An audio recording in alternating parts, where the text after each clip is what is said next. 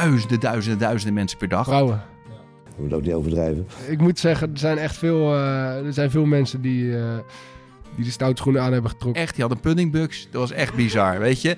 Ik vind mooie vrouwen zeer aantrekkelijk. Ja. Ik word er wel een beetje triest van eigenlijk, man. Als ik heel eerlijk ben.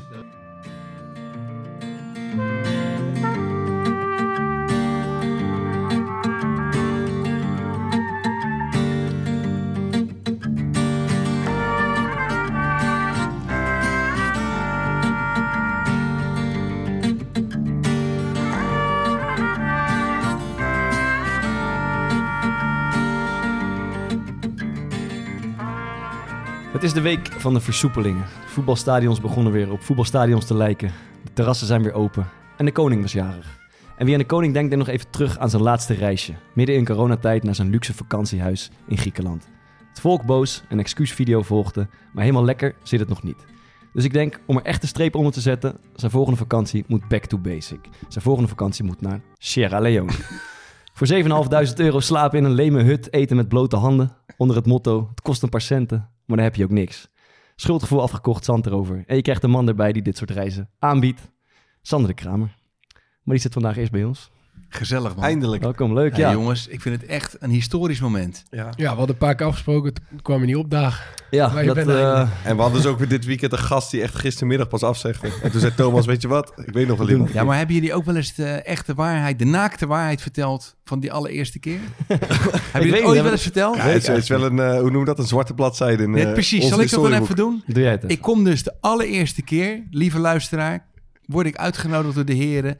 Ik kom in de huismeester, café. Nou, was nog voor corona in elk geval. Het was een teringherrie van je welste. En ik zeg van, nou, volgens mij gaat dit niet lukken, jongens. Want ik loop al een tijdje mee in, eh, in, in televisie en radio. Dus ik zeg, volgens mij gaat dit qua geluid niet lukken. Nee, geen enkel probleem. Alle drie die dingen op. Nee, dat gaat helemaal goed komen. Dus ik heb alles gegeven. Ik heb er anderhalf uur lang heb ik alles gegeven wat in me zat. Verhalen, anekdotes, alles erop en eraan. Ik word een dag later opgebeld door Thomas. Oké.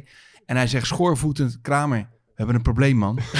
hij zegt, het geluid is niet te horen. We kunnen de tafel naast ons nog beter verstaan dan jou. ik zei, ja, ik zeg, je kan mijn zak opblazen. Ik kom echt, ik kom niet meer. En toen was het inderdaad, toen hebben jullie er een gimmick van gemaakt, dat ik elke keer zou komen en niet kom opdagen. Laten we... Maar hier zit ik dan toch, hè? Hey. Volgens mij vriend een uh, geluids. Nee, het is niet... Ik, ik heb er een paar eh, klaar. Dit hebben we echt week in week uitgedaan. Volgende week met eh Sander de Kramer. Juist. Yes.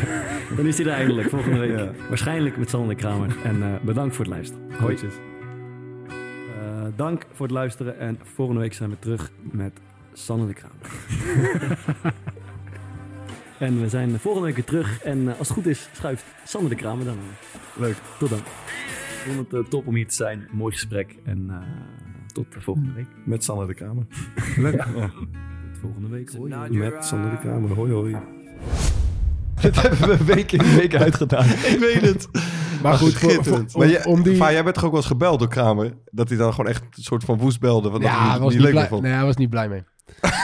Ja, hij, was, je... hij was er niet blij mee. Hij, is, eh, eh, dat, hij doet dan alsof hij het niet erg vindt, weet je wel. Maar dan zegt hij wel altijd nog eventjes op het eind zo van... eh, hey, eh, ja, was leuk man, eh, die aflevering van de podcast. ik heb hem nu al drie keer geluisterd. En, eh, nou, ja, precies. Hij liep echt lekker. Weet ik het wat. eh, dan laat hij, toch even, laat hij toch even merken dat hij... Maar goed, als je die eh, anekdotes waar hij niet alles heeft gegeven... als je die wil zien, dan moet je gewoon... eh, Zoek gewoon, zoek gewoon Sander de Kramer op Google.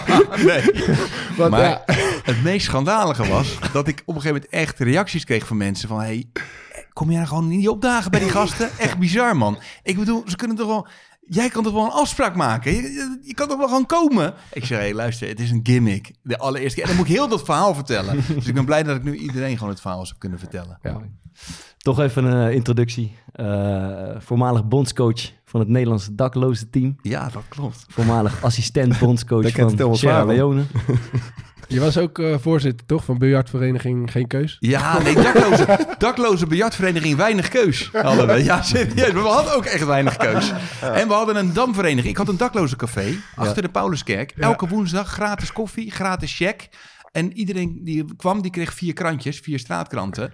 Dus het was ook echt altijd een dolle boel. En daar haalde ik dan ook verhalen uit van... joh, Arie, heb jij nog een mooi verhaal? Weet je? En dan ging ik een verhaal maken over, eh, over, over dak- en thuislozen. Wat er speelde. Dus wij werden echt gewoon het medium van de onderkant van de samenleving. Maar het mooie was, op een gegeven moment had ik een poolbiljart gekocht. En die had ik er neergezet. En toen zijn we dakloze biljartvereniging Weinig Keus begonnen. Maar ook een, eh, een, een damvereniging, wat allemaal damborden staan. En toen hadden we damvereniging, dakloze damvereniging, laat ons maar schuiven. Ja, dat was echt fantastisch. Maar we vonden ook- humor is het overlevingsinstrument op straat, hè? Als je je er doorheen wil slepen, dan, dan, dan moet je lachen, want anders ga je naar de kloten. Toen we hadden even nog het idee om wat te gaan doen op zondagochtend met eh daklozen voetballen bij Excelsior of zo. Toen had je ook een mooie, mooie naam verzonnen, weet je hem nog? Nee. Bal op het dakloos. Ehm, een voormalige assistent bondscoach van Sierra Leone heb ik eh, gevonden. Dat klopt ook, hè? Ja, ik was de, de assistent eh, van, eh, van, van, van, eh, van Ato Mensa. En Ato Mensa was de bondscoach, maar eigenlijk was ik Rinus de regelaar. Ik regelde dat er gevoetbald kon worden. Ik regelde dat er... eh, ik had uh, Ferens gebeld. Ik zal het helemaal vertellen, dat is wel een mooi verhaal. Ik Er werd is van gebeld... Robij, toch? Van die door- kleding. Wat zei je? Dat is die gozer Ja, van Robij ja. van de kleding. Ik werd gebeld door eh Atto Mensa, die ken ik al jaren. Hij was zeg maar een beetje de Johan Cruijff van Sierra Leone. Het bizarre is, vier van zijn broers speelden voor het nationale elftal van Ghana. Hij speelde voor het nationale elftal van, van, van Sierra Leone. Oftewel, zijn, zijn vader had echt, die had een puddingbugs. Dat was echt bizar, weet je. Dat is niet normaal. Die heeft vijf internationals voortgebracht. Dat is volgens mij in de historie nog nooit voorgekomen. Afijn, Atto belt mij. Hij zegt, Sander, ik heb probleem, ik heb probleem. Ik zeg, nou, kom naar me toe. Dus hij kwam naar me toe rijden. Hij zegt, ik ben net bondscoach geworden van Sierra Leone. Maar dat was tijdens de ebola-tijd. Ik zeg, nou, dat is toch geen probleem, dan gaan we toch gewoon voetballen. Hij zegt, ik mag niemand uit Sierra Leone halen. Iedereen moet uit het buitenland komen.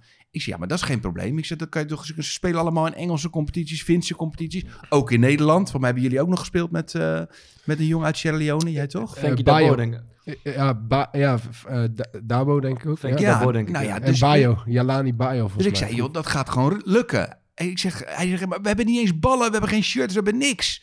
Niks mag uit Sierra Leone komen. Ik zei, nou, ik ga Ferens bellen. Dus ik heb het verhaal uitgelegd. Ik zei, joh, eh, hij zegt, jij bent nu mijn assistent. Ik zeg, nou, ik zeg, rustig aan, ik ben meer Rinus de regelaar. Ik ga die spullen allemaal regelen. En eh, eh, toch even afmaken. Schrijver, journalist en vooral weldoener, toch? Met je Sunday Foundation heb je hardnekkig ingezet voor een betere wereld. En dat is een beetje de reden waarom je ook hier bent, want daar we het eigenlijk over gaan hebben. Leuk man. Ehm, maar dat gaan we zo doen. Eerst eventjes de... Wat, vorige week hadden we het over dat eh, Spotify-afspeellijstje... waar er gretig gebruik van is gemaakt. Mensen hebben allerlei shit gedumpt in onze core podcast. Ze konden die geweldige editie maand. van de Hard Gras winnen. Eh, Ja, Ja, ja, ja. ik moet zeggen, er zijn echt veel, eh, er zijn veel mensen die, eh, die de stoutschoenen aan hebben getrokken en een nummertje erin hebben gegooid. En ik zou eh, uiteindelijk eh denk ik uitkiezen. Ja. Maar er, zit, ik, eh, ja, er zijn best een aantal mooie nummers eh, ingezet. Ik, eh, Ik heb wel wat dingen opgeslagen ook. Frans-Duits van Donny, die is naar aanleiding van vorige week eh, erin gegooid. En zo ik zag het eh, Fries volklied eh, voorbij komen. Lange Frans zag ik voorbij komen. Lange Frans zag voorbij komen. eh Litouwer samen met eh. Bart de Graaf. Die, eh, die, die werd ingezet. Die heb ik er nog wel in laten staan.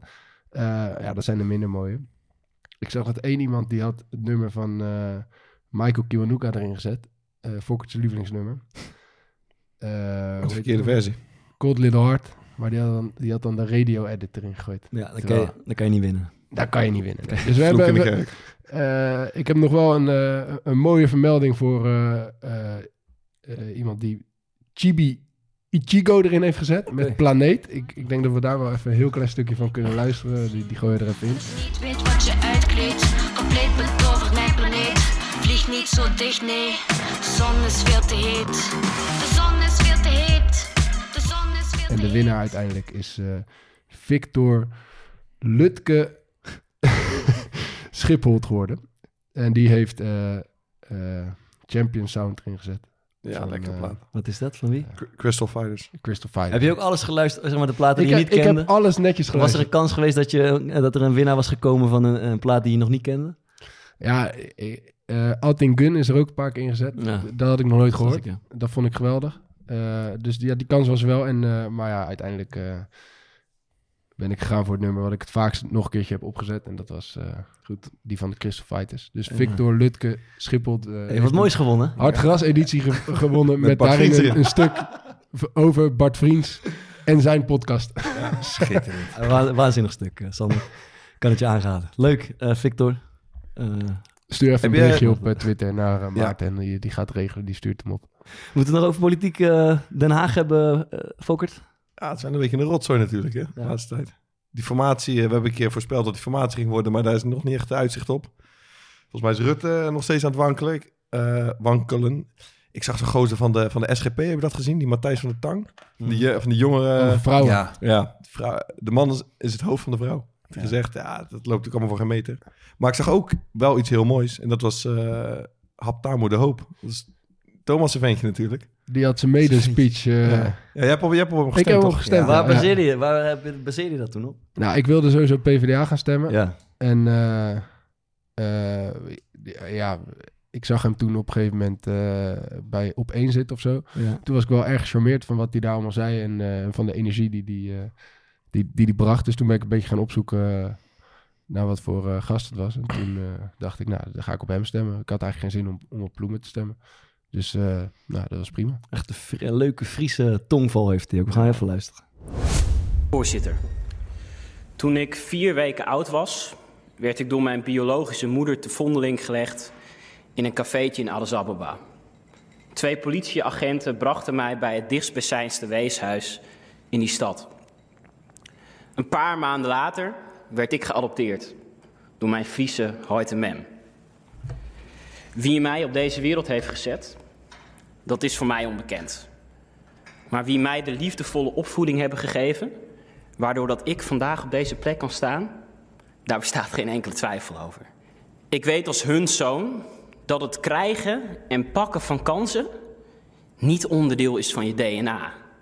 Het gaat over datgene en diegene die je om je heen hebt. Daar gaat kansengelijkheid over. Kansengelijkheid gaat over veel meer dan geluk. Het gaat over wat je meekrijgt en wat je kan leren. Op school, om je heen, van ervaringen. Of de voetbaltrainer van je club in je dorp. Kansengelijkheid komt niet zomaar aanwaaien. We hebben als samenleving en als politiek de verantwoordelijkheid om die te organiseren voor ieder kind. Was goed, toch? Ja, is mooi. Ja, is goed. Vind jij? ja, heel goed. Echt hij heel heeft goed. het over, eh, over een... eh, hij is geadopteerd. Ja, En eh, als we ons niet vergissen, eh, heb jij ook een adoptiezoon? Die- ja meerdere. Meerdere, ja. Eh, maar een daarvan is eh, profvoetballer geworden Ja, dat klopt. Ja, dat is echt een heel bijzonder verhaal. Kijk, dat ventje was eh, al eigenlijk toen hij zeven jaar was, hij weeskind geworden in Sierra Leone. En ik was toen al een tijdje dat ik daar, dat ik daar kwam en dat ik daar mensen hielp. En eh, met name gehandicapten hielpen we in het begin. En eh, die maakten we valide, zeg maar, door, door ze revalidatieartikelen te geven. Rolstoelen, krukken, alles. En hij was altijd, stond hij vooraan zei hij, daddy, daddy, I'm helping you, I'm helping you. En toen bleek dat hij zijn, eh, zijn moeder verloren was door ziekte. En zijn vader verloren was, die was verdronken in de zee. En hij was op zevenjarige leeftijd al weeskind. En ja, hij wilde echt, hij liep echt bij mij een beetje in de kijker. Weet je wel, van joh, daddy, daddy, I will help you. En toen zei hij op een gegeven moment, toen zei hij van ja, ik heb best wel een groot probleem. Ik heb geen ouders meer. En in Afrika, en zeker een van de armste landen van de wereld, dan ben je gezien. Toen heb ik gezegd van, eh, ik neem je onder mijn vleugels. Gaan zorgen dat je lekker naar school kan. En eh, ik zorg dat je bij een gezin wordt opgenomen, zodat ik je van afstand ga adopteren. Nou, dat hebben we gedaan. En op een gegeven moment ging hij steeds beter voetballen. Echt, en laten zien dat hij kon voetballen. Echt ook dubbele flikvlaks maakte hij. Nou, was echt niet normaal als hij een goal had gemaakt. En eh, toen belde hij me op een gegeven moment op. Is hij in Guinea gescout. Dus door een Guinese scout, eh gescout om in Guinea, wat een heel groot voetballand is in Afrika. Daar kwamen ook de grote, de, de Pogba's vandaan. En hij ging daar voetballen. Als profvoetballer. En toen belde hij op. Toen zei hij van, ik heb nog een probleem nu. Ik zeg, wat is het probleem? Hij zegt, ja, ik moet ook in het buitenland gaan spelen. En ik heb geen paspoort als weeskind. Toen heb ik gezegd van, nou, dan gaan we dat toch regelen. Toen zei hij, mag ik dan ook jouw achternaam? Ik zeg, want ja, je bent mijn enige familie. En toen hebben we gezegd, dat gaan we doen. Dat gaan we regelen. En toen zei hij van, mag ik dan opa, want mijn vader is echt een beetje zijn maatje. Ik had altijd als bij mijn vader is drie keer mee geweest of vier keer naar Sierra Leone. En dan, ja, dit was echt Etty en Hetty, die twee. Die, eh, dat was echt heel leuk om te zien. Had een onwijs goede band mee. Toen zei hij van, en ze vereren daar heel vaak opa en ook voorvaderen. Toen zei hij van, zou ik heel graag opa zijn voornaam willen. Dus hij nu Pieter de Kramer. En het mooie is, mijn vader Pieter de Kramer, die heeft bij Excelsior profvoetbal gespeeld in de jaren 60. Maar toen door een gecompliceerde beenbreuk is dat uiteindelijk in de, in de knop gebroken. Gesproken. Maar hij heeft wel een paar profvoetbalwedstrijden gespeeld. En speelde dus bij Excelsior het eerste. Toen kopte de Telegraaf heel groot... Pieter de Kramer gaat door als proefvoetballer in Guinea. En toen zag je mijn zoon dus, zeg maar. Ja, echt fantastisch. Met een shirt de Kramer achterop in Guinea voetballen. Ja, is fantastisch verhaal. Ja, het, het lijkt me ook dat je veel dingen daar probeert en die, eh, die mislukken. Of zijn bijvoorbeeld kinderen niet meer te redden. Of sommige gevallen zijn zo schrijnend dat, er geen, dat die kloof niet te dicht is. Hoe, hoe, hoe ga je daarmee om? Lig je daar, bijvoorbeeld, lig je daar gewoon wakker van thuis? Of hoe Nou, weet je waar je van wakker ligt aan? soms? Is misschien... Weet je waar je soms van wakker ligt? Ehm, van twee dingen eigenlijk. Ehm, waar je heel erg van wakker ligt, dat zijn de schrijnende verhalen van extreme armoede. Armoede die wij ons niet kunnen voorstellen hoe arm. En ik zal je een voorbeeld geven. Ik sprak een dokter in Sierra Leone en die vertelde mij dit huiveringwekkende verhaal dat ze een kindje binnenkregen met een moeder. En die moeder kwam dat kindje brengen. En eh, dat kindje had milde malaria, dus die ging het overleven. Maar wat ze doen bij die westerse ziekenhuizen, tenminste daar de ziekenhuizen in Afrika, dan geven ze wel een rekening, want anders krijgen ze natuurlijk duizenden, duizenden, duizenden mensen per dag. Weet je, als je voor een geste- verstuikte uh, teennagel, hè, of ingegroeide teennagel komt, dan, dan, dan krijg je er zoveel mensen, daar kunnen ze niet aan. Dus ze krijgen een rekeningetje van 50 of 60 cent. Dus dat zeiden ze daar ook. Van, het kindje heeft milde malaria, die gaat het overleven. Krijgt een kininebehandeling van drie of vier dagen. En daarna kun je het weer lekker meenemen naar huis. Je krijgt een rekening, het zal ongeveer 50 of 60 cent zijn. Nou, die dokters die gingen weg. Het, was in het eh, kindje was in het bedje gelegd. Na 20 minuten komen de dokters terug. En die zagen een dood kindje liggen. Dat kindje was dood. Maar dat kon helemaal niet, want het had milde malaria. En toen zag een van die dokters, die keek in het neusje en die zag witte pluisjes in het neusje. En toen begon die moeder hartverscheurend te huilen. En die vertelde dus het verhaal wat bleek. Die moeder had vijf kinderen. Vader was doodgegaan tijdens de oorlog. Dus vader was er niet. Moeder had vijf kinderen. En die moest elke dag alle eindjes aan elkaar knopen. Alles uithalen wat er maar uit te halen viel. Om die kinderen een handje rijst te geven als eten. Eén keer per dag. En soms lukte dat niet. En dan was het twee dagen geen eten. Of soms wel drie dagen niet eten. En nu was ze zo in paniek geraakt dat ze een rekening kreeg van 50 of 60 cent voor dit zieke kindje. Dat ze totaal in paniek is geraakt. En uit pure wanhoop dat ze dacht van... oh nee, dan kan ik dadelijk die andere kinderen ook, de andere vier kinderen... een week geen eten geven. Dan gaan de slachtoffers vallen. En die heeft uiteindelijk gewoon een kussen gedrukt op haar eigen kind... om de anderen te redden. Kijk, daarvan denk ik dan echt bij mezelf van mensen moesten eens weten, weet je, dat dit zijn dingen die je tegenkomt op de, op de ergste plek op de wereld bekeken. Echt zo'n dikke laag kippenvel op mijn armen ervan. En daar kan je soms niet van slapen. Heb, heb, heb je daar ook echt hulp voor nodig? Dat is het niet, dat het zo... eh Mm, überhaupt hulp bij gehad? Weet je, praten helpt veel. Ik praat vaak met mensen die het ook hebben meegemaakt. Weet je, gewoon even van je afpraten. De ellende die je gezien hebt, de dingen die je hebt meegemaakt. En uiteindelijk trek ik me vooral op aan de positieve verhalen. Aan alle verhalen, alle mensenlevens die ik heb kunnen redden. En daar trek je in op. Maar ik moet eerlijk zeggen, een goede vriend van mij is Marco Kroon. Die van alles heeft meegemaakt natuurlijk in Afghanistan. Geridderd geweest. Hier natuurlijk ook van zijn voetstuk gevallen voor veel mensen. Maar ja, wat hij heeft meegemaakt, dat komt ook dicht bij wat ik allemaal heb meegemaakt. En hij heeft bijvoorbeeld een van de verhalen die mensen niet kennen, maar is eh, dat hij door Afghanistan reed en dat hij op een gegeven moment allemaal mensen zag staan, kinderen en vrouwen. En dat hij zei van stop even het konvooi. En hij is uitgestapt en hij liep naar die mensen toe, naar die vrouwen en hij zei van mensen, wij zijn hier voor jullie hè. Wij zijn hier voor jullie. Als er iets is, wij komen hier de vrede brengen. Dus Wees, weet dat in elk geval, dat wij er voor jullie zijn. En uiteindelijk stapten die weer in de auto's en het hele bataljon reed verder. Toen kwamen ze drie dagen later terug en heel het dorp was in rep en roer. Iedereen stond te huilen. En wat bleek nou? Hadden ze de mensen, de vrouwen waar hij mee gepraat had, die waren opgehangen aan hun eigen darmen in de fruitbomen. En weet je waarom? Omdat de Taliban wilde zeggen van kijk eens, als je ook maar met ze praat, dit gebeurt er met je. Nou ja, weet je. En dan kun je praten met mensen die ook wel een tikje hebben gehad, weet je wel. Met Marco kan ik praten over, over dingen die we tijdens de oorlog hebben meegemaakt. Maar kijk, zeg maar, bij hem eh, lijkt het toch wel een beetje mis te gaan soms. Met die trauma's die hij heeft opgelopen. Li- Ligt dat, ligt dat bij jou ook op de loer? Of, of hoe ga je daarmee om? Nou, je moet natuurlijk altijd wel zorgen dat je in balans blijft, hè. En bij mij is het, eh, ik sport heel veel. Ja, nu even minder omdat ik mijn arm gebroken heb. Maar over het algemeen doe ik Is veel is zien, padeltennissen. Ja, nee, Padellen. maar padeltennissen vind ik heel leuk. Weet je, ik, voetbal, ik voetbalde heel veel. Nu wat minder omdat het team uit elkaar gevallen is. Maar Ben je dan fanatiek? nou, kan wel fanatiek zijn. Dat was geen vriend van jou geweest, vader waarschijnlijk. Hij- Ja. ja, dat is wel een mooi verhaal. Ja, hij, hij was een keer bijna boos van het eh padelveld gelopen. dus er was, er was iets gebeurd. En, eh, en toen zei hij, ja, godverdomme, hier kom ik niet voor. Ik heb zoveel gezien, zoveel meegemaakt. en, en, en, nou, nou ben ik er klaar mee. Toen liep hij zeg maar, richting de uitgang van het padelveld. Toen zei ik, Kramer, doe niet zo kinderachtig. En toen was hij bij de uitgang. Zei hij, ja, je hebt gelijk. Toen pakte ik de wekker weer op. Ja. staan. Ja, maar er was- ja, je hebt ook gelijk. Ja, was het eentje was een bal uitgegaan, dus ik zeg uit. En toen Dit, dit was met, uit. met een van jouw vrienden toch, Thomas? Ja, ja, ja, ja. Ik zeg van, joh, ik zeg, opzouten man, met je, met je nare opmerkingen, man. Ik sta hier voor mijn lol te tennissen. Ik zeg, Nee, eh, nee, het was, veel, het was veel en veel mooier. Want eh, ik, ik, had, ik had geserveerd en, eh, en die bal die rolde nog, die was uit en die rolde nog. En toen speelde ik al mijn tweede service. Toen was een weer, Ja, wereldservice, ja. werd een ace. Toen zei hij, hey, ja, je- dit kan niet, die bal die rolde nog. Toen stonden wij, aan- wij zo te kijken van, ja, dit meen je toch niet? Dus deze had je nooit gehad. Ja, hij rolde nog, dan mag je niet serveren. Nou, dus ik, oké, opnieuw. Dus ik ga weer serveren. Ik, en ik sla die eerste service sla ik weer uit. en die bal die rolt, die rolt weer nog naar het net. Dus die vriend van mij zegt, oh Toto, even wachten, wachten, wachten, wachten, wachten.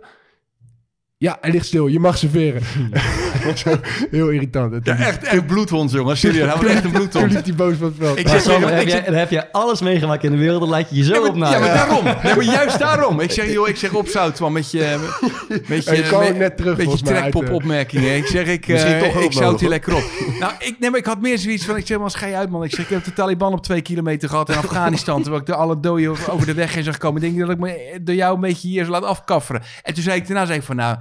En toen zei hij van, ah joh, Kramer, kom op man. Ik zei, ja, je hebt ook gelijk. En toen pakte ik het record weer. Stond ik meteen weer klaar. Dat, Dat is waar. Maar Heel ik, leuk. ik- ja, ik, ik heb nog, wel- ik heb nog wel, wel meer meegemaakt met je. Even kortsluiting en dan daarna weer terug. Nee, Ja, maar ja, misschien is dat wel. iemand, omdat eh, ik, eh, op, op veel zijn bek gezien. geslagen. Eh, Toen was je volgens mij ook net terug uit, eh uit Sudan. Oh ja, dat is Wie waar. dan? Zuid-Soedan. Theo. Ja, heette die. Theo heette die. The- ja, hij heette Theo. Ja, dat klopt. Ja, Theo. Ja, die was zo irritant. Wij speelden, wij speelden een wedstrijdje. Was echt, dat was echt een Peppy en Kokkie toernooitje speelden we. Dus dat was echt een, een, een bij Capelle. En we waren aan het voetballen. Gewoon gezellig. En, eh, en op een gegeven moment... Wij speelden met Thomas en met Hugo Borst en met nog een paar... En dus die gasten die wilden per se van ons winnen. Ook waarschijnlijk gewoon even een beetje Hugo pakken. Weet je wel, die was toen dus echt op het hoogtepunt van zijn populariteit. Van ze wilden van Hugo. Dus die ene die zette opeens vol druk op Hugo terwijl hij de bal had. En toen pakte hij die bal van Hugo af. Toen scoorde hij. En toen ging hij voor zijn hoofd ging hij staan van ja! En toen liep hij langs iedereen ja! Terwijl wij zaten echt van nou, zo'n Peppi en Kokkie toernooitje. Die gozer was zo bloedirritant. Maar die ging ook schoppies geven als er geen bal in de buurt was. En toen, toen kwam ik net uit Zuid-Soedan. Dus toen was ik inderdaad, heb ik verschrikkelijke dingen gezien. Met de kinderen hebben toen papier en potlood van ons gekregen. Toen hadden ze hun wereld getekend. En iedereen tekende, kleurde dood en verderf. Waarbij ze zo aan het huilen waren.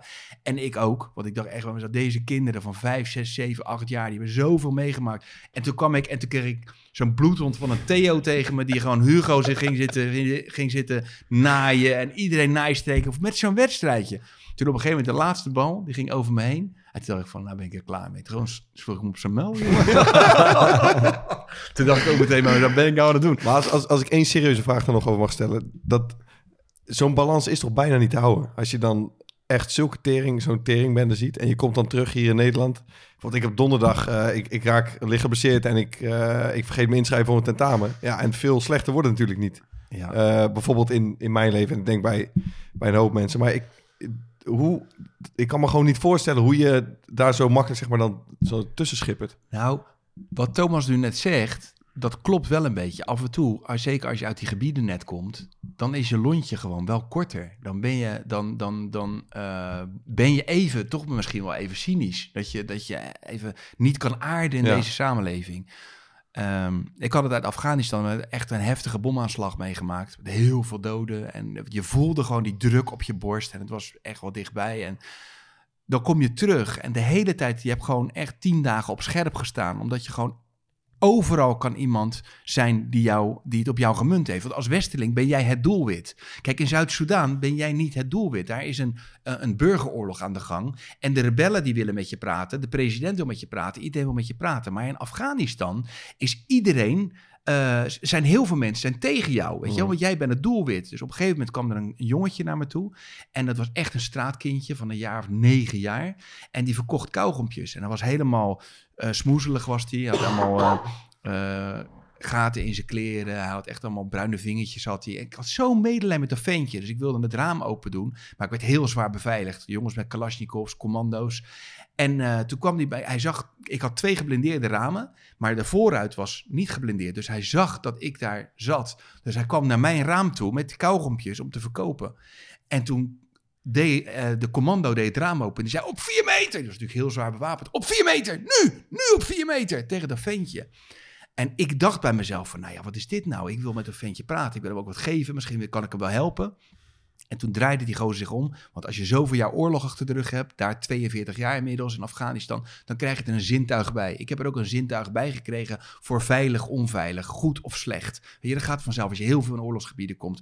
En die man die voelde wat ik dacht. En die commando draait zich om en die zegt tegen mij, luister vriend. Hij hier in dit land is niets wat het lijkt. Jij denkt dat het een straatkindje is en die, dat jij hem even gaat helpen. Hij de kans is heel groot dat hij is betaald door een terroristische organisatie. En dat hij doet alsof hij kauwgompjes verkoopt met zijn rechterhand. En met zijn linkerhand plakt hij een kneedbom tegen jouw deur aan. En als hij je opblaast, krijgt hij 300 dollar en een enkele reis naar het paradijs. Toen dacht ik bij mezelf, wow, dit is wel even andere koek. Dus je bent gewoon een hele week lang of tien dagen lang, sta je zo op scherp dat je inderdaad een, een kort lontje hebt, weet je? Dat je, even, dat je even moet aarden weer. Dat je inderdaad denkt van, ja, schijn het eruit. Schrijf je toch opnieuw in voor je tentamen. Of, eh, joh, de margarine, margarine is drie cent duurder geworden. Of eh, een, een hond, die was zo'n hondje, die had een keutel neergelegd. Nou, de hele straat stond op zijn op kop. Iedereen van, sprak er schande van. Ze hadden dat keuteltje niet opgeruimd. Ja, dan denk je bij jezelf, joh... Schijn nou toch uit, man! Ja, maar ik kan me dus heel goed... maar, eens op! maar aan de andere kant kan je je Ja. dus ook heel erg laten opnaaien. Ja, ja, ja, ja, ja, ja, ja, dat kan, ja, zeker. ja, Vaar is er goed in, hoor. Die kan me echt af en toe opnaaien. Bij mij lukt het nou nooit. Ik denk eh, dat we even een, een mooie intermezzootje moeten doen. Want wij zaten, eh, we zaten toch een beetje potentieel aan een, nieuw rubriekje te denken. Ehm, en dat is de categorie voetbalverhalen. En daar schijn jij Ja, is, nog heel, een, is anders gaan. Hij heeft me al vier weken eh, zitten te bellen. Ja, eh, ik heb een mooi rubriekje. Ik heb een mooi rubriekje. een mooie, mooie voetbalverhalen. Mooie voetbalverhalen. Ja, dus eh, Ja, toen jullie belden voor het rubriekje die politici achter Ja. de schermen. Toen dacht ik van ja, maar het is wel heel erg leuk natuurlijk. De vibe is hartstikke leuk. Mhm. het, is, het, is, het is gezellig. Ik belde dus op naar To. Ik zeg, eh, ik zeg joh, rubriekje, mooie voetbalverhalen. Zeg, dat is We zijn alleen financieel nog niet uitgekomen. Maar dat eh komt wel goed. Ja, die transfer die maken we wel. Komt goed. Dus eens in de zoveel tijd komt Kramer gewoon een mooi voetbalverhaal vertellen. Luister, ik heb toen, eh, toen ik eh, assistent werd van de bondscoach van Sierra Leone, toen heb ik gezegd van ik doe het wel als betaalde klus, zei Atto. Dus Atto zei van, eh, die stond me echt aan te kijken van ja, meent hij dat nou? Weet je wel? Ik zeg van ja, ik zeg ik wil echt, ik zeg ik wil 10.000 leones per maand. Maar 10.000 leones is 90 cent. dat is het grootste biljet van Sierra Leone, is 10.000 leones, 90 cent. Ja, dat kan je ook wel krijgen, denk ik. Hij zijn portemonnee open en toen gaf hij me zo'n euro. Hij zei, hier heb ik betaal hem pas vooruit. Mooi, ja, schitterend. Goed, Sanne, wij gaan achteroverleunen. En eh, ik, ben, ik ben heel nieuwsgierig naar je eerste beste... Naar je eh, voetbalverhaal. Mo- Een mooi voetbalverhaal. Ja, zeker, ja, tuurlijk. zeker. nou ja, dan zeker. zou ik beginnen met Frenkie Schinkels. Kennen jullie Frenkie Schinkels? Nee. Oostenrijker, speelde in de jaren tachtig bij Excelsior. Ja, die was, dat was echt, eh, dat was lachgieren. Dat was eigenlijk de René van, René van der Gijp, maar dan iets later. En eh, die voetbalde bij Excelsior, maar die zei tegen zijn Oostenrijkse vrienden, zei die al, al maandenlang dat hij de sterren van de hemel in de eredivisie bij Excelsior speelde en... Elke wedstrijd was hij de man van de wedstrijd. Maar de realiteit was dat hij elke wedstrijd werd hij standaard in de tweede helft na 10 minuten gewisseld door Rob Jacobs, dat hij hopeloos uit vorm was. Hij, hij raakte geen hout. Dus toen op een gegeven moment, toen kwamen zijn vrienden. Die hadden gebeld van, joh, we komen kijken komende, komende zondag. Ze zeiden, we zijn in de buurt. Komen we, komen gezellig, komen we bij jou op de, op, de, op de tribune zitten. Komen we kijken. Hij denkt, shit. Hij zei, dan kan ik natuurlijk niet gewisseld worden. Toen is hij op zaterdagavond is hij naar Woudenstein gereden. Frenkie Schinkels. Toen is hij naar Woudenstein gereden. Toen is hij over het hek heen geklommen het veld opgegaan. Toen had je nog zo'n oude wisselkist, weet je wel? Had je zo'n kist en die deed dan open en dan had je al die nummers erin zitten. 1 tot en met 16. Toen heeft hij uiteindelijk, heeft hij zijn nummer, nummer 11, heeft hij eruit gehaald. Het bord met nummer 11. Toen is hij naar de, naar de, naar de, helemaal naar de andere kant van het veld gelopen. Daar heb je de slootje, weet je wel? Dat ligt er nog steeds bij Excelsior. Heeft hij dat bord over de schutting heen gegooid, over het hek heen, de sloot in. Toen is hij weer teruggegaan en is hij de volgende dag gewoon helemaal gemeld in de kleedkamer. Is hij gaan voetballen. Wat gebeurt er? Speelde weer, raakte weer geen hol. Dus eh, hij wordt gewisseld. Tweede helft. Na tien minuten, Rob Jacob zegt tegen, tegen, de, tegen de assistent, tegen Toon IJzendoorn, de materiaalman. Hij zegt, Toon, hij zegt, schinkels eruit. Dus die loopt naar die wisselkist, die gooit die kist open. En het duurt maar, en het duurt maar. Dus, dus Rob Jacobs, die kijkt, die zegt, Toon, kun je het vinden? Dus Toon die roept terug, nee, ik kan het niet vinden. Dus die op een gegeven moment, Rob Jacobs, die stapt op van zijn stoeltje. Die loopt ook naar die wisselkist en die gaat staan kijken. En die zegt, hé, hij zei, maar waar is 11 dan? Dus 1 tot en met 16 behalve 11. Hij zei, weet ik veel. Hij zei, ja. Hij zei, maar dan kunnen we die schinkels natuurlijk niet wisselen. Toen hebben ze hem uiteindelijk laten staan. Maar schinkels, die zag dat allemaal gebeuren vanaf, de, vanaf het veld. Zag hij die gasten met een hol in de lucht staan. Zoekend naar dat nummer 11. Ja, ik vind dat een briljant verhaal. Die schinkels is een van de helden van, van, van het voetballen. Hij heeft, laatst heeft hij nog in een programma gezeten. Het mooiste meisje van de klas. Heeft ik allemaal verhalen verteld. Ook een heel heftig leven gehad. Oostenrijks nationaal elftal gespeeld. Maar hij was echt wel... Ja, dat was echt een verhalen, man. kan er niet mee door? Is het Hij goed is genoeg? Wat, wat mij betreft is hij goed genoeg. Ja, klasse. Zeker voor 90 cent, 90 cent per maand. We hier Ja, jongens, dit is prima. Met 10.000 leones. Jullie moeten wel leones gaan halen daar. Goed man. Ehm, dat wij eh, dan weer terug naar het onderwerp. Wij hadden met eh, Klaas Dijkhoff een aantal eh, weken geleden die, dat gesprek. En dat ging onder andere over het, over het opnemen van vluchtelingen. We hadden een soort discussie over waarin hij op het standpunt, het VVD-standpunt staat. nul vluchtelingen het liefst opnemen. Maar ze hebben een voorkeur gegeven aan opvang in de regio. Is dat, want jij hebt die regio, daar heb jij er nogal wat van gezien. Zeker. Klinkt dat als een goed idee? Nou ja, kijk, wat ik heb geleerd tijdens al mijn reizen... is dat de meeste mensen eigenlijk niet weg willen op de plek waar ze zijn... maar dat ze gewoon gedwongen worden om, om weg te gaan uit een plek... omdat ze, of omdat er oorlog is... nou, dan zou ik ook als eerste op een bootje zitten.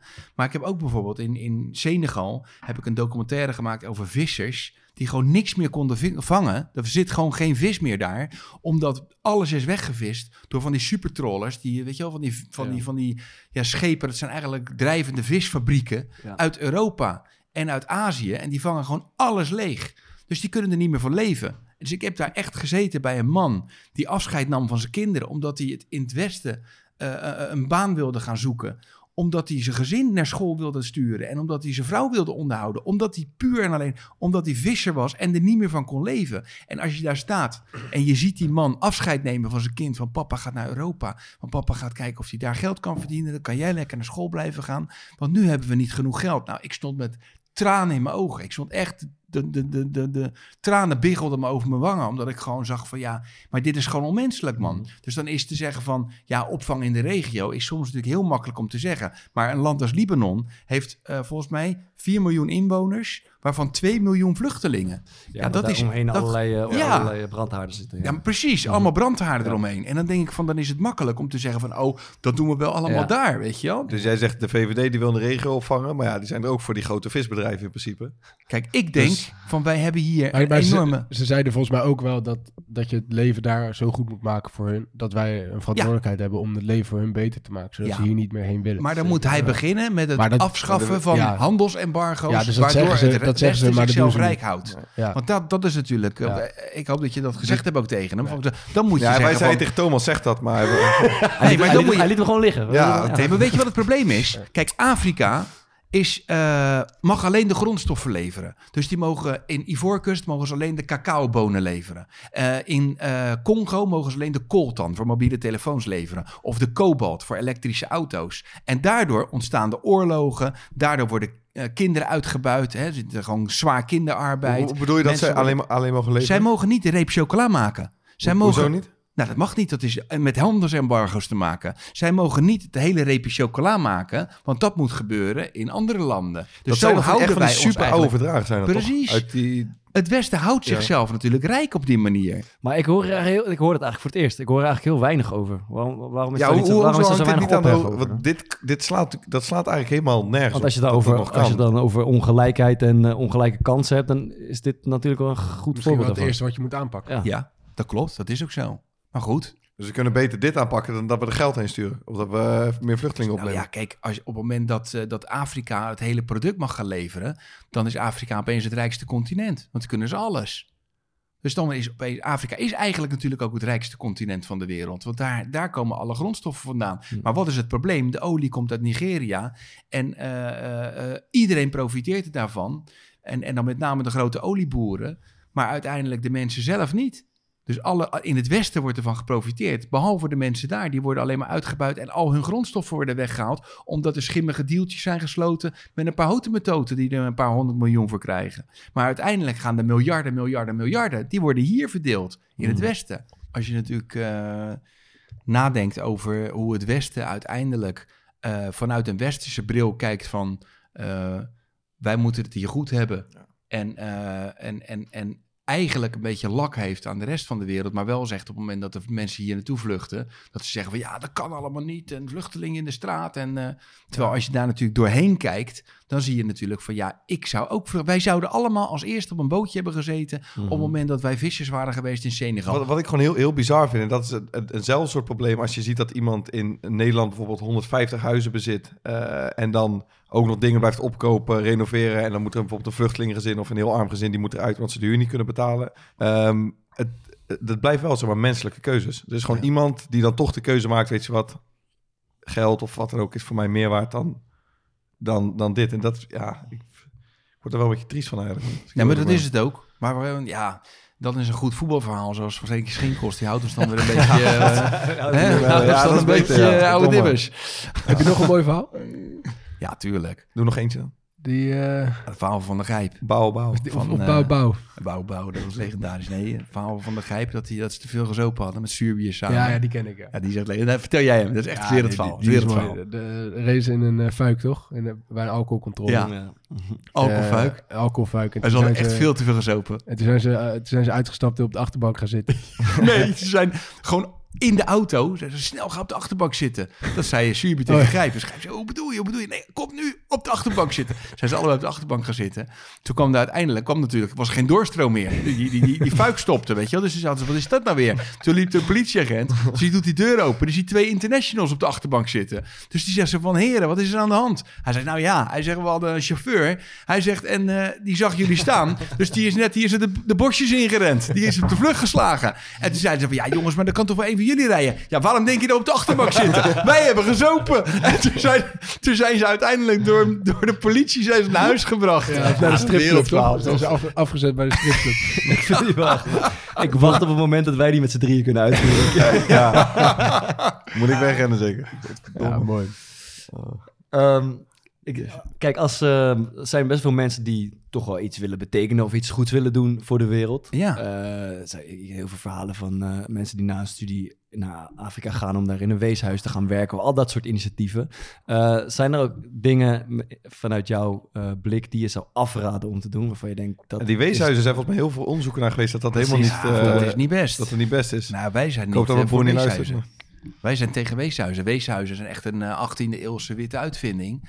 Van eh, allemaal kinderen die in dezelfde situatie zitten bij elkaar. Ja, daar worden kinderen over het algemeen niet beter van. Je kunt veel beter eh, weeskinderen onderbrengen bij een gezin. En in een normale gezinssituatie laten opgroeien als een van de andere kinderen. Alleen in oorlogsgebieden, zoals bijvoorbeeld toen Sierra Leone. Ja, toen had je situaties dat kinderen waren gestolen en gerecruiteerd als kindsoldaat. Dus die hadden verschrikkelijke dingen gedaan.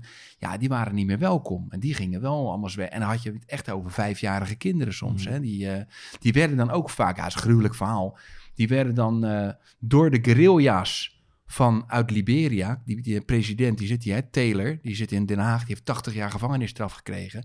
Die stuurde met moedwillig een rebellenleger naar binnen bij Sierra Leone om ze zo'n heftig mogelijke oorlog te laten voeren. En een van de dingen die ze deden was kinderen vanaf vijf jaar, daar maakten ze kindsoldaten van.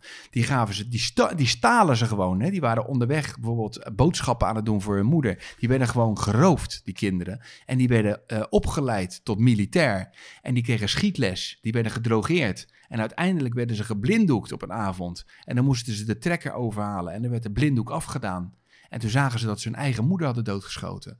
En als je je eigen moeder hebt doodgeschoten, dan ben je een moordmachine. Dan kan je alles en iedereen vermoorden. En op deze manier, gewoon echt een guerrilla-strategie, zo maakten ze dus echt moordmachines in hun rebellenleger. Ja, dat soort Je kinderen konden nooit meer terug naar je, je wil het echt niet geloven. Je hoopt dat het een film is. Ja, maar Ja. Je, dit, je kan het gewoon niet voorstellen. Dit soort dingen gebeurden, weet je. Ja, als je nou gewoon als eh, normale sterveling, zoals wij of, of misschien andere mensen, denkt: ik wil toch een beetje mijn steentje bijdragen. Ik wil iets van die betekenen. 25.000 in de maand die ik verdien, maar de goede kant op sturen. Ja, maar wat, wat zou je dan praktisch aanraden? Is dat dan gewoon het sturen van geld of, of, of kleding? Of wat voor praktische dingen zou je, zou je van kunnen zeggen? Nou, kijk, helpt. ik heb natuurlijk in dezelfde situatie gezeten. Ik ben, kijk, ik ben als journalist naar Sierra Leone gegaan in 2007. En ik ben als hulpverlener teruggekomen. Alleen, ik geloof in Afrika alleen in eh, vrijwilligerswerk. Ik geloof alleen in vrijwilligerswerk. Want op het moment dat iemand eh, daar, eh, zoals bijvoorbeeld een Verenigde Naties medewerker, 7000 dollar per maand verdient en daar lekker op internet zit Ja. en weet ik wat allemaal, dan maakt hij niet de klik met de bevolking. Mhm. Want die heeft namelijk helemaal niks. Dus ik geloof alleen dat als je op hetzelfde niveau gaat zitten... Ik slaap bijvoorbeeld in een leme hut. Mhm. Ik heb daar leme hutjes door het hele land. En daar slaap ik zoals de mensen ook slapen. Ik was me in de rivier. Eh, als ik dorst heb, neem ik een kokosnootje. Ik leef zoals de mensen daar leven. Je. En daarom... Vertrouw, ja. En maar daarom, ja... Hey, maar ho, ho. Hey, ja, Dat is, dat is mijn maandsalaris. ja, ja, ja. voor luister, luister, luister. Volledig, volledig gesponsord. Volledig gesponsord. Nee, maar... ik zat echt midden in een verhaal wat helemaal aan het opbouwen was. Ik was gewoon helemaal aan het opbouwen, dit, dit hele verhaal. Ik ben er van apropos. Wat zei ik Ja, eigenlijk? je moet op hetzelfde level zitten. Ja, Ja, dat is, dat is. Ja. Heb je het idee dat de voetbalwereld of voetballers eh, genoeg betekenen voor, eh, voor een betere wereld? Er zijn er heel veel die heel veel doen. Maar het zijn vaak ook mensen die iets in het land van hun herkomst, van, eh, van hun roots doen. Hè? Ja. Bijvoorbeeld eh Niks mis mee, toch? Drogba. Mhm. Die heeft eh, een, een ziekenhuis neergezet. Mhm. ter waarde van, wat was het, 9 miljoen of zo heeft hij erin gestopt. Een heel ziekenhuis gebouwd. Ja, dat is waanzinnig toch? Fantastisch. Maar dit soort jongens, die hebben natuurlijk ook heel veel het, het gevoel van, ja, ik heb deze mogelijkheid gekregen door eh, de community waarin ik ben opgegroeid. Dus dan vind ik ook dat ik weer iets terug moet doen aan, Ja. voor de community. En het wordt ook wel een beetje verwacht, toch? Van je? Want Ja, er, zijn, er zijn ook een hoop eh, Ja. verhalen van Afrikaanse spelers die eh, alles hebben weggegeven thuis en daardoor failliet gaan. Ja, Ja, Sh- eh, Egan, daar speel ik mee bij uh, Ja. Go Ahead Eagles. Die had, ja, heeft dat nooit helemaal uitgelegd, maar die is volgens mij, die verdiende echt heel dik bij Twente. Die is volgens mij gewoon super veel geld. Zeg maar ja, hij weet niet waar het is, maar dat maakte hij gewoon over zeg maar naar Afrika. Ja. En ja, mensen leken er niet echt op vooruit te gaan. Community, maar was het wel al zijn geld. weg. Ja, die verhalen zijn eh, legio. Vind jij Bart dat, dat er genoeg gebeurt? In Nederland of gewoon puur om je heen? Nou, wat heel- in heel Nou, veel landen gebeurt, wat Mm. wel interessant is, hè? Sorry dat ik... eh, Mhm. Maar wat heel interessant is, is dat eh, in heel veel landen, zoals bijvoorbeeld in Spanje, daar hebben de voetbalclubs allemaal een foundation. Dat gebeurt hier natuurlijk ook veel. Sparta heeft ook de betrokken Spartaan, Excelsior heeft Excelsior Excelsior, voor All, Feyenoord heeft de Feyenoord Foundation. Ehm, dus er gebeurt wel wat. Maar wat ze dan met de, met de spelers die nieuw zijn, wordt dan in hun contract opgenomen dat ze een bepaald percentage van hun salaris geven ze dan aan de stichting van hun club. Ja. En die doen dan weer goede dingen Maar mee. dat is wel mooi. Dat is Dat wist mooi. ik niet eens. Ja. Ja, dat gebeurt heel veel. In Spanje bijvoorbeeld is ja, dat 1% maar in, Nederland wat is salaris. volgens mij nog niet. Ja. Nou ja, hier heb je, hier heb je die, die common goal, toch? Die eh, eh, Ja, 1% van het Maar dat is bijvoorbeeld, eh, ik geloof dat er een Noorse club is die zich daar gewoon als club bij heeft aangesloten. Ja. Het is best wel mooi dat je 1% van alles wat er binnenkomt, Ja. eh, Ja. en misschien ook aan de salaris die je aan de spelers betaalt, allemaal 1% afstaat aan, eh 1% aan van Want ik heb het idee Ja. dat, dat in iedere, ieder team altijd wel een aantal jongens zijn die echt maatschappelijk betrokken zijn. Ja, en, best wat, en wat doen. Ik, ik denk dat dat, eh, wat, zeg maar, als je de vraag stelt, vind je dat er in de voetballerij genoeg gedaan wordt? Mhm. Eh, ik, ik denk niet dat er in de voetballerij bijvoorbeeld minder wordt gedaan dan over het, eh, over het algemeen, zeg maar, in de maatschappij. Nee. Onder in het studenten. bedrijfsleven en zo. eh. Ja, van het bedrijfsleven. Ik denk Ja, maar ook het, dat zijn natuurlijk, het is wel een hele welgestelde beroepsgroep natuurlijk. Ja, wij kennen, ja, Dus klopt. die- maar, ook- Daarvan kan je zeggen, die hebben wat meer te Klopt, missen. maar bijvoorbeeld ook bij, bij, bij ons in de competitie Mhm. zie ik ook genoeg jongens. Ja, bij, bij. Excelsior komt een jongen van, van Telstar, van Redon El, El. Die heeft Ja. voor onze eigen foundation. Ja. Het is heel makkelijk om een enkel voorbeeld te noemen. Maar Nee, nee, ik heb ook denk idee dat bij ons de competitie best echt wel een hoop jongens Ja. zijn die gewoon heel actief erin zijn. Terwijl ik vooral het beeld, eh, als ik denk wat het beeld is van de buitenstaander op de, over de voetbalwereld, dat het vooral, eh, eh, ja, dat ze er een beetje vooral voor zichzelf zitten. Dat er een beetje graaiers Ja, zijn. en zelfs als je, die, als je over die foundation, er wordt soms zelfs een beetje lachen gedaan over foundations van, eh, weet ik, Dirk Kuyt of van Bronkhorst. Alsof ze inderdaad eigenlijk vooral voor zichzelf doen. Ja, maar dat is denk- misschien niet helemaal terecht. Ja, ik denk ook dat het beeld is dat als een voetballer of überhaupt een sporter wat wil doen, die Mhm. of maatschappelijk betrokken is, dat er, er altijd de camera bij moet zijn. Dat Ja. er altijd voor Instagram is en voor social media. Maar volgens mij, dat is eh, hoe, hoe ik het zelf aan, maar ook hoe ik het bij jongens om me heen zie. Als die wat doen, ja. die zijn er helemaal niet zo happig op dat daar per se een camera bij moet zijn. Ja. Mhm. Dus ja, je, je krijgt waarschijnlijk ook gewoon een hoop helemaal niet mee. Wij, eh, wij doen niks vrijwillig. Want eh, er moet ook wat geld binnenkomen. Gaat gewoon weer een factuurtje uit. Eh dat is het Easy Toys. Eh, voorspel, voorspelspel van deze week.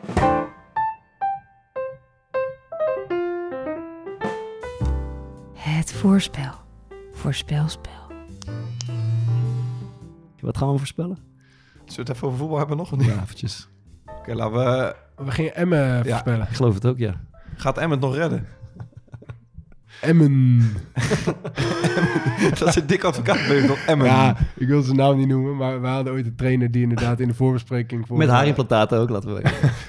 eh, En vrienden met kop die, die inderdaad in de voorbespreking voor de belangrijke wedstrijd toen struikelde... ja, ik weet niet meer hoe het... Hij had het in ieder geval ineens over Emmen.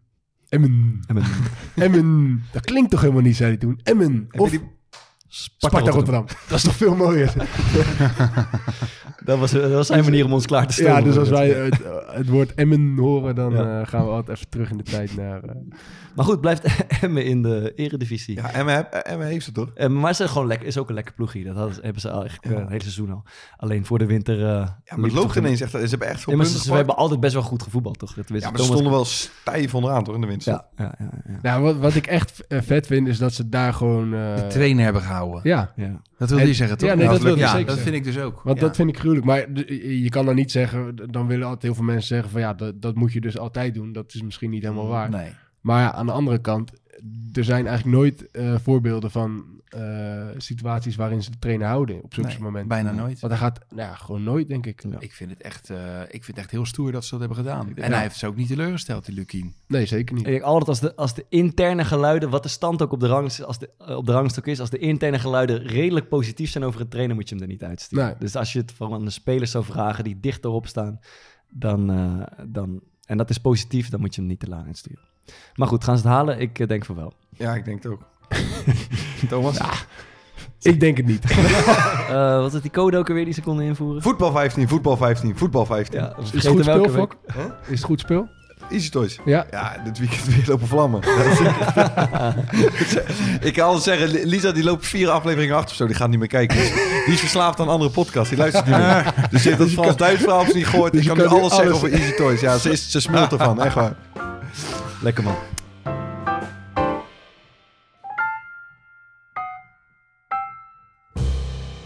Aanradertjes van de week om eh, af te sluiten. Sander, jij eerst. Zijn eigen boek. Eh, nou, ik vind eh, als film Virunga. Hebben jullie die al gezien, Virunga? Ah, dat vind ik wel een film voor jullie. Hij staat ook al als eh, nummer 1 nu van natuurfilms op Netflix. Virunga gaat over eh, een, ehm, een prins uit België, Emmanuel de Meroot. En eh, hij redt daar de, de, de gorilla's. En eh, er is een, eh, een, een vulkaangebied. Het is gewoon echt een heel groot land, stuk land. En daar leven de laatste berggorilla's. En eh, daar is olie onder de grond gevonden. En ehm, mensen die willen dat hebben. En er is een journaliste, die wordt echt, krijgt een camera, een, een, zo'n, zo'n klein verborgen cameraatje. En die komt dan uiteindelijk zover dat hij tot de directeur van het bedrijf komt. En eh, die is dan een beetje verliefd op haar. En die gaat op een gegeven moment dingen vertellen. En zegt van al die eh, gorilla's en iedereen gaan we uitmoorden. Omdat, we dat, eh, omdat, er, omdat er olie onder dat gebied is gevonden. Krankzinnig. En vanaf dat moment moet ik eigenlijk niks vertellen. Het is echt bloedspannend. Virunga. Maar die prins, Virunga. Maar die, die prins, die, die, die, die heeft, hij is ook nu geëerd met een hele hoge onderscheiding. Ik ga wel kijken. Ja. Ik Ben echt fan Virunga? ik ben wel fan van Echt gorilla's. spannend.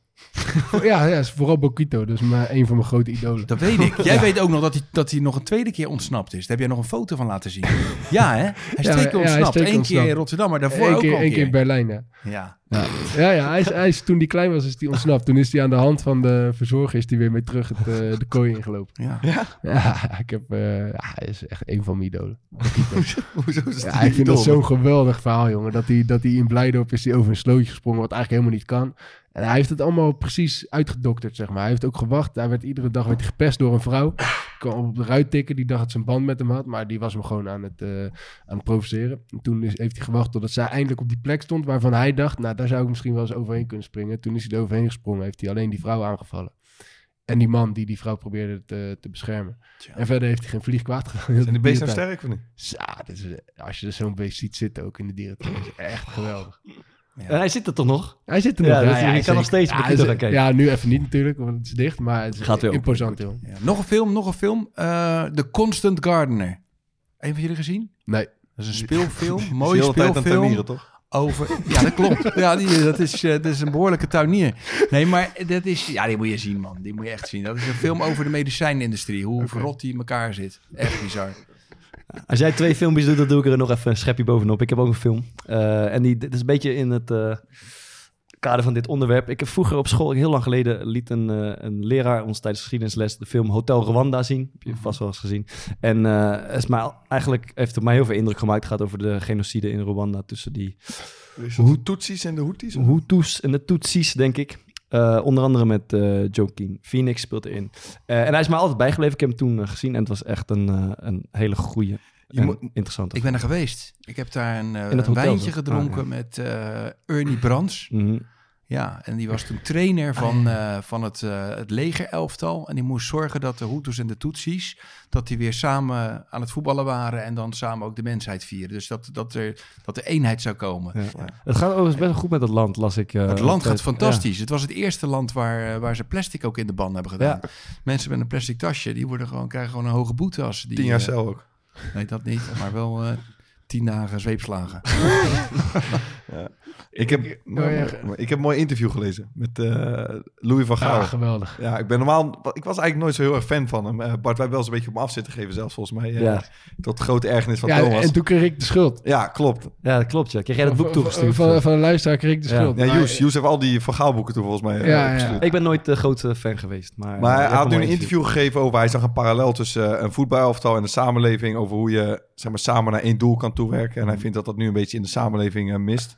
En het, ja, ik vind het best wel bizar om te zien. Hij, is dus nog, hij reflecteert nog heel erg op zichzelf. En hoe hij dingen, weet ik veel, thuis aanpakt. En hoe hij dat met teams en wat hij bij Manchester fout heeft gedaan. En hoe hij dat nog beter zou kunnen doen.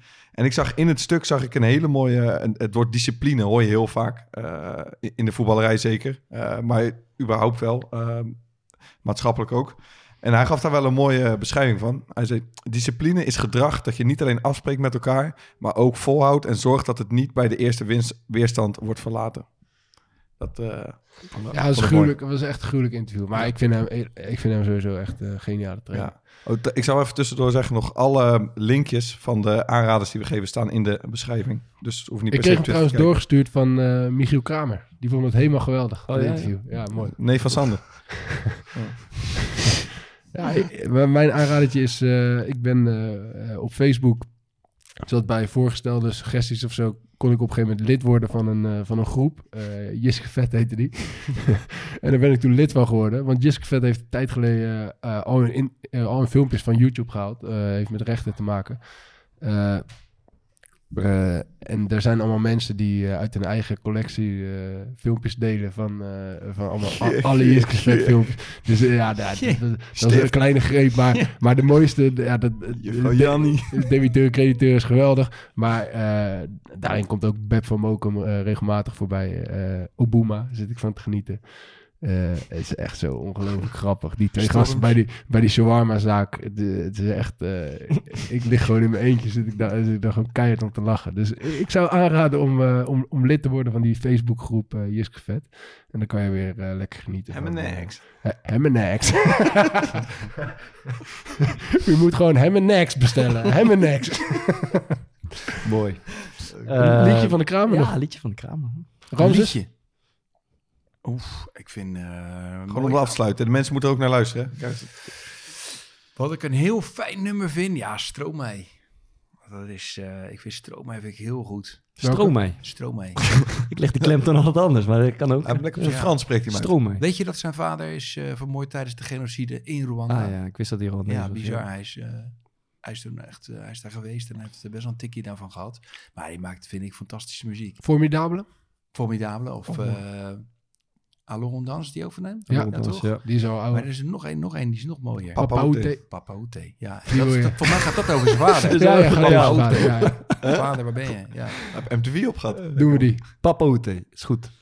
Eh, dank voor je komst. Hey, Was jongens, leuk. ik vond het echt super gezellig. Ja. Ja, Volgende week ben ik er weer. Voetbalverhaaltje. Ik weet alleen niet of ik kom opdagen. Volgende week met Sander de Kramer. Later. Dites-moi d'où il vient, enfin je saurai où je vais. Maman dit que lorsqu'on cherche bien, on finit toujours par trouver. Elle dit qu'il n'est jamais très loin, qu'il part très souvent travailler. Maman dit travailler c'est bien, bien mieux qu'être mal accompagné. Pas vrai? Où est ton papa? Dis-moi où est ton papa Sans même devoir lui parler, il sait ce qui ne va pas. Ah sacré papa, dis-moi où es-tu caché? Ça doit faire au moins mille fois que j'ai compté mes doigts. Eh, Où t'es papa, où t'es? Où t'es papa, où t'es? Où t'es papa, où t'es?